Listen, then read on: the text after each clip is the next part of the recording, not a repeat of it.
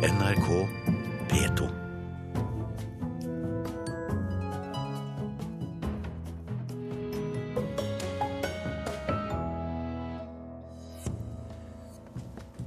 Sjekkeapp til mobilen tar av blant de unge. Samlivsekspert tror den skaper en usunn og overfladisk holdning.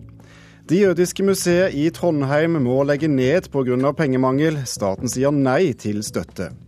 Korsangere i hele landet får snart gleden av Prøysen i ny drakt. Du får høre den aller første smakebiten her i Kulturnytt. Som du hører på nå i Nyhetsmorgen med Thomas Alvarstein Ove. Appen Tinder, som kan lastes ned på mobilen og brukes til sjekking, er i ferd med å bli svært populær her i landet. Samlivsekspert advarer nå mot at slike apper kan gi unge en usunn og overfladisk holdning, og at den eh, kan bidra til mer utroskap. Cornelia 18 med trutemunn, det gidder jeg ikke. Isabel 30 fikk nei. Jeg fikk nei, altså. Ja. Jeg gjorde det. Åse 22. Sjekk hua. Ja, det er ikke noe vits i å bla videre engang. De to kompisene Håkon og Christian sitter ved kjøkkenbordet med hver sin smarttelefon i hånda. Det er jo om å gjøre å finne noen søte jenter å chatte med. Og så får man se om man kan møte de en eller annen gang. Sjekkeappen Tinder, som man ved et enkelt trykk laster ned på mobilen sin, er nå en av de mest populære appene i Norge. Og brukerantallet øker med 5% hver dag. Blond og langt hår og søt jente. Fins et par av de, da. Ja, hun får like. Tjenesten søker opp andre brukere som er i nærheten av deg, og viser deg bilde av dem, i tillegg til alder og navn. I løpet av få sekunder kan du akseptere eller avvise personen.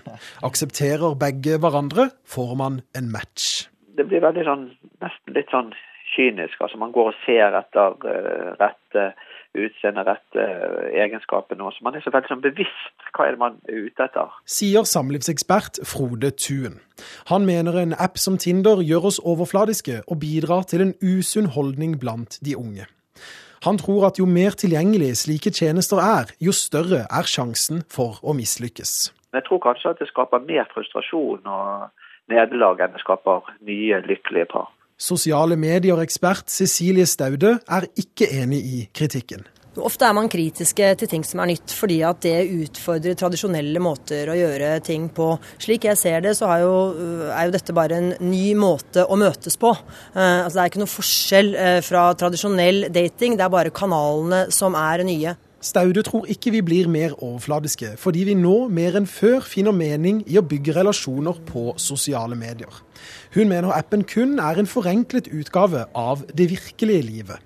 Og sånn jeg har forstått det på denne appen her, da, uten at jeg har lastet den ned og prøvd den selv, så kan du jo da ikke sant, forkaste folk du ikke liker.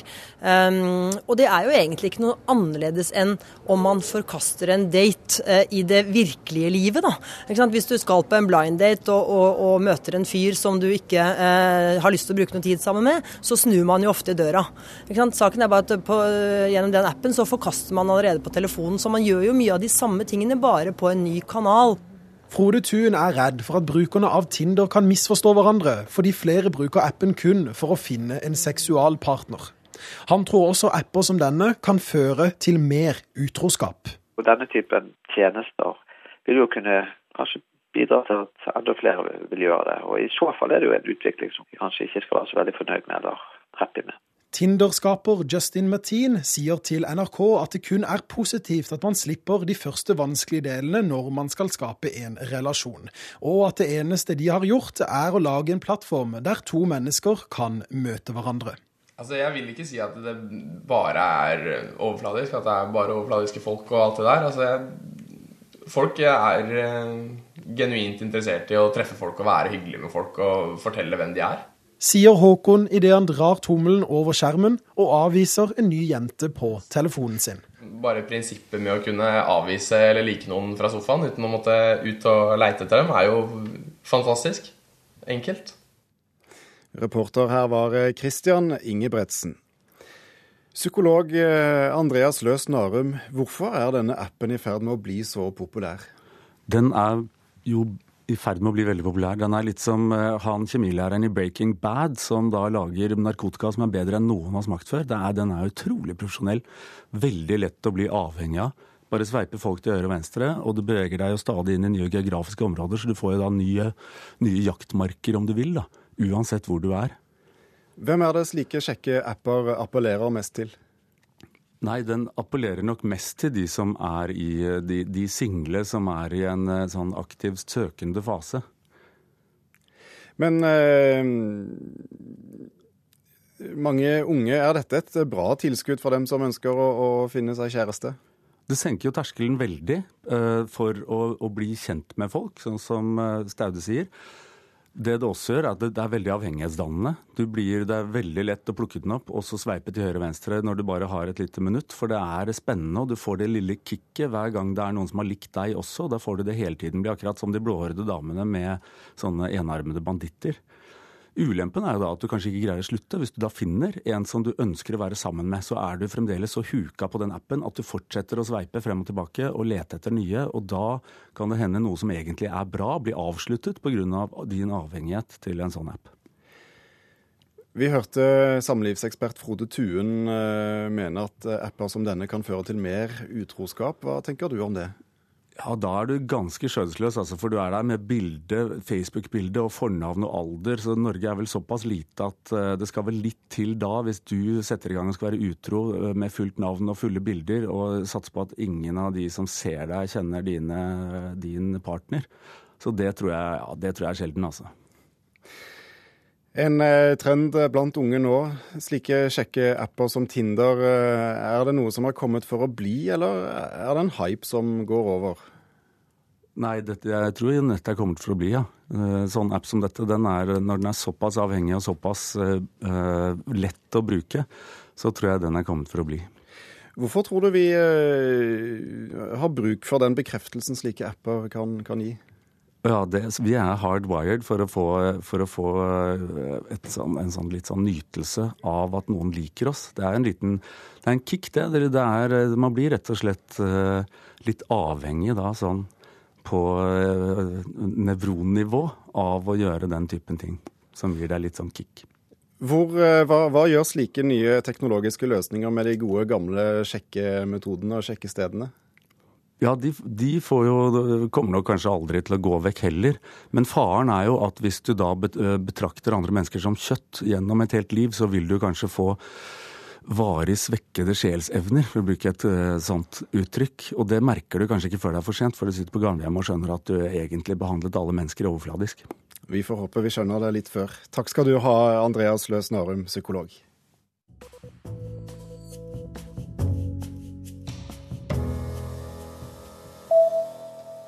En eh, domstol i USA gir eh, Google rett til å kopiere bøker og legge dem ut på nett. Siden 2005 har søkegiganten skannet mer enn 20 millioner bøker. Like lenge har amerikanske forfattere anklaget dem for å bryte opphavsretten. Google legger ut bøker som ikke lenger finnes på papir, fritt tilgjengelig. Nyere bøker er søkbare, men bare en liten del av dem kan leses på skjermen om gangen. Forfatterne mener likevel det er feil at Google tjener penger på dem uten å betale noe tilbake. Dommen sier Googles prosjekt er et gode for samfunnet.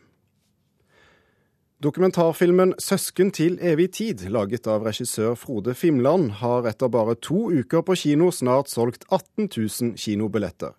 Filmen handler om et aldrende søskenpar som driver familiegården i Sunnfjord på gamlemåten, og har så langt oppnådd over halvparten av billettsalget til Folk ved fjorden, som er den best besøkte norske dokumentarfilmen på kino de fire siste årene.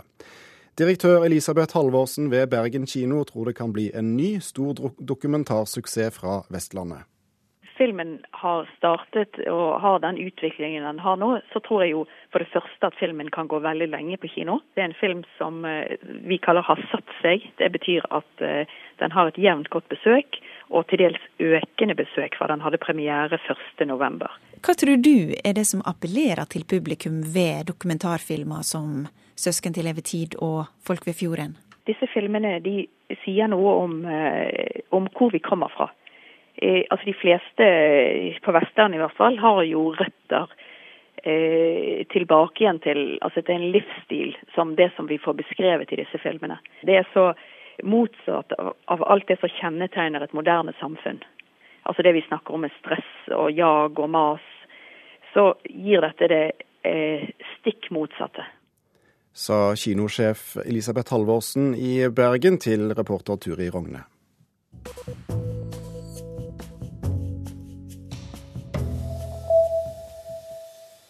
Det jødiske museet i Trondheim må legge ned driften fra neste år.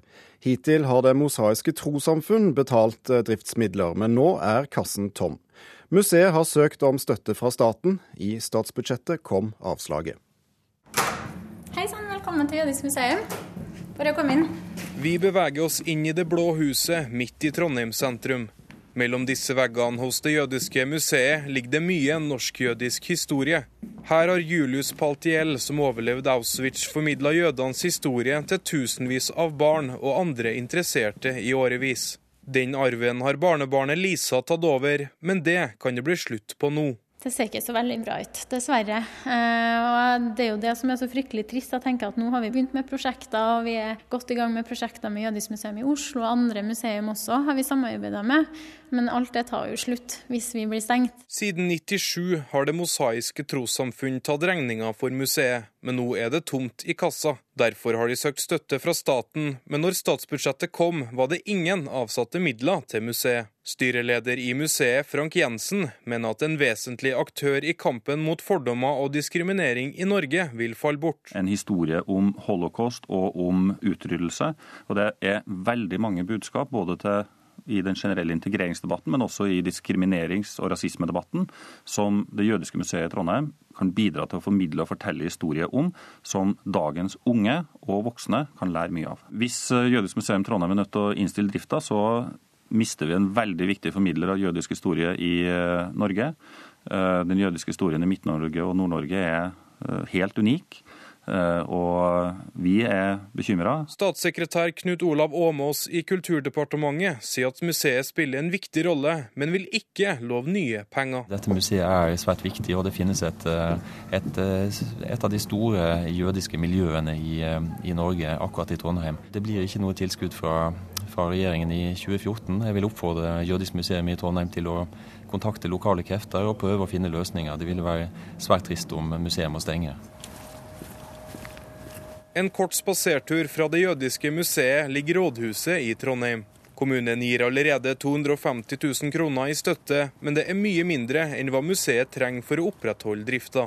Kommunalråd Jon Gunnes i Venstre vil gjøre alt for å beholde museet. Jeg syns det er ille hvis de har en økonomisk krise nå.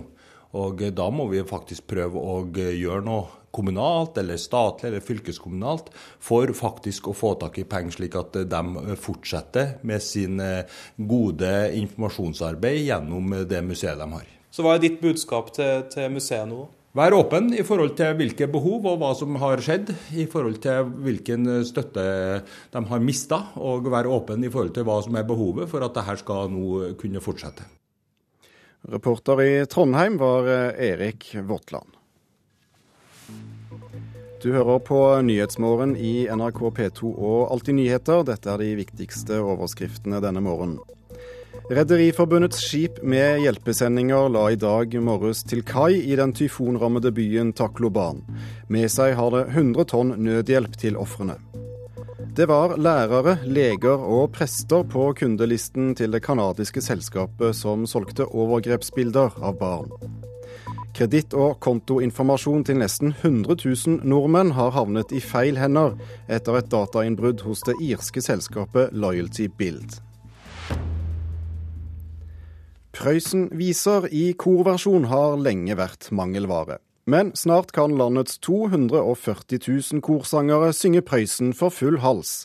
Et kor i Prøysens hjemkommune utlyste en konkurranse blant korarrangører, og nå begynner det å svinge.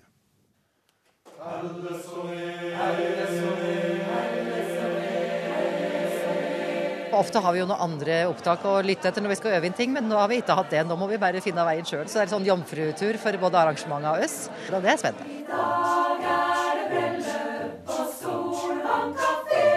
Solheimkoret i Ringsaker gjør det for aller første gang offentlig. Synger den splitter nye korversjonen av 'Alle så nær som av Ingebjørg'. En av 15 Prøysen-sanger som har fått nytt korarrangement. og som snart skal ut til alle landets korsangere. Det skal bli eh, spennende å se på disse arrangementene når de er eh, ferdige og utgitt. Det sier Marius Stensby, dirigent med 20 års erfaring nå for The Real Choir i Oslo.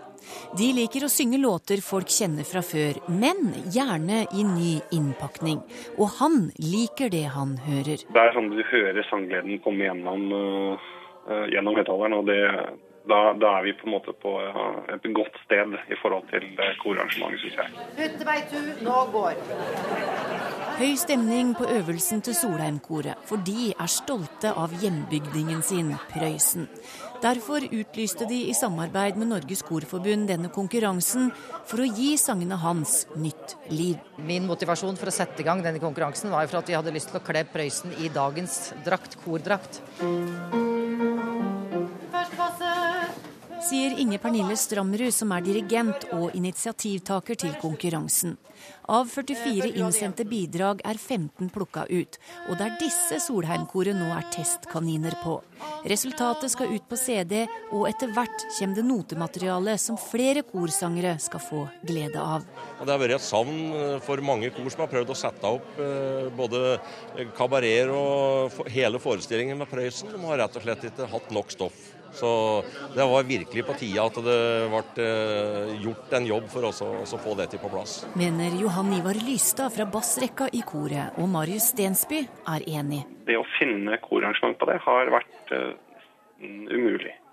Så ja, det har vært et uh, savn for oss også. Så er det jo veldig ålreit å synge noe av en som på en måte er en sånn nasjonal trubadur. Jeg syns det er veldig morsomt. Det er fascinerende materiale å få lov til å presentere for hele det norske folket. Det syns vi er veldig bra, vi som er oppvokst inn her i Ringsaker. da.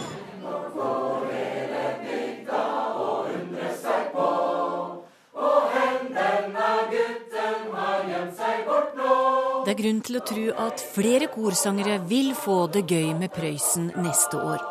Men initiativtakeren tror prosjektet har vært viktig for flere. Vi får løfta Prøysen, vi får løfta korsang og vi får løfta arrangører, ikke minst.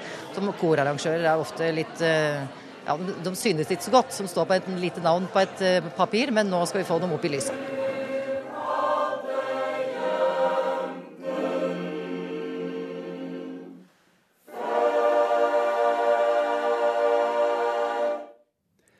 Og til sommeren kåres vinneren av denne konkurransen under Prøysenfestivalen. Det beste arrangementet vinner 30 000 kroner. Reporter det var Torunn Myhre. Og Det Norske Teatret, som slapp vår, unnskyld, vårprogrammet sitt i går, skal sette opp Prøysen-stykket 'Trost i taklampa' til våren. Kristin Auestad Danielsen har dramatisert stykket, og Charlotte Frogner, Halvard Holmen og Sigurd Myhre står på rollelisten.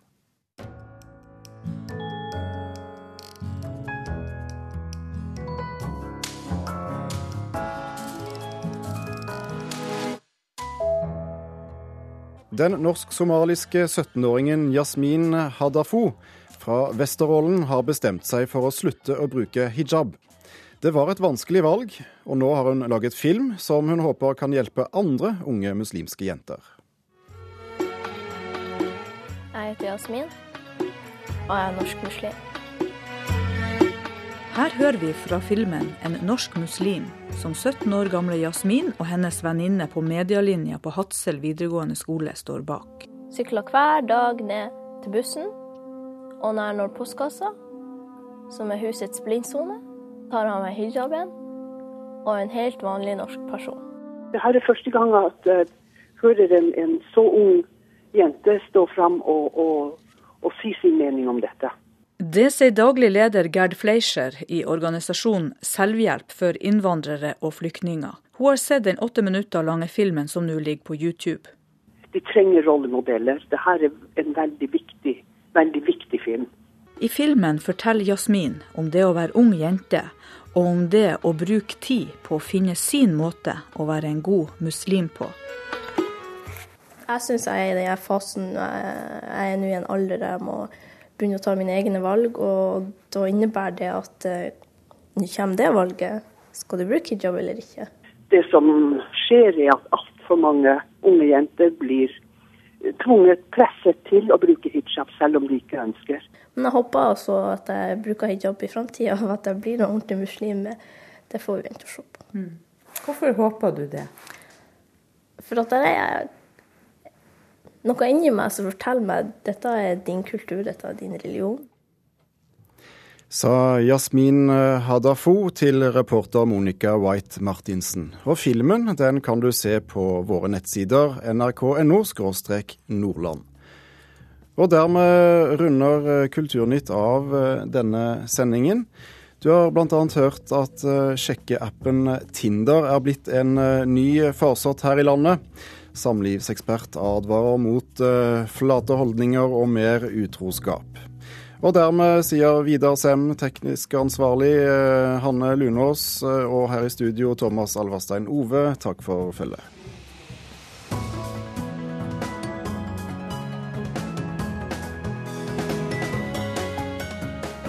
Hør flere podkaster på nrk.no podkast.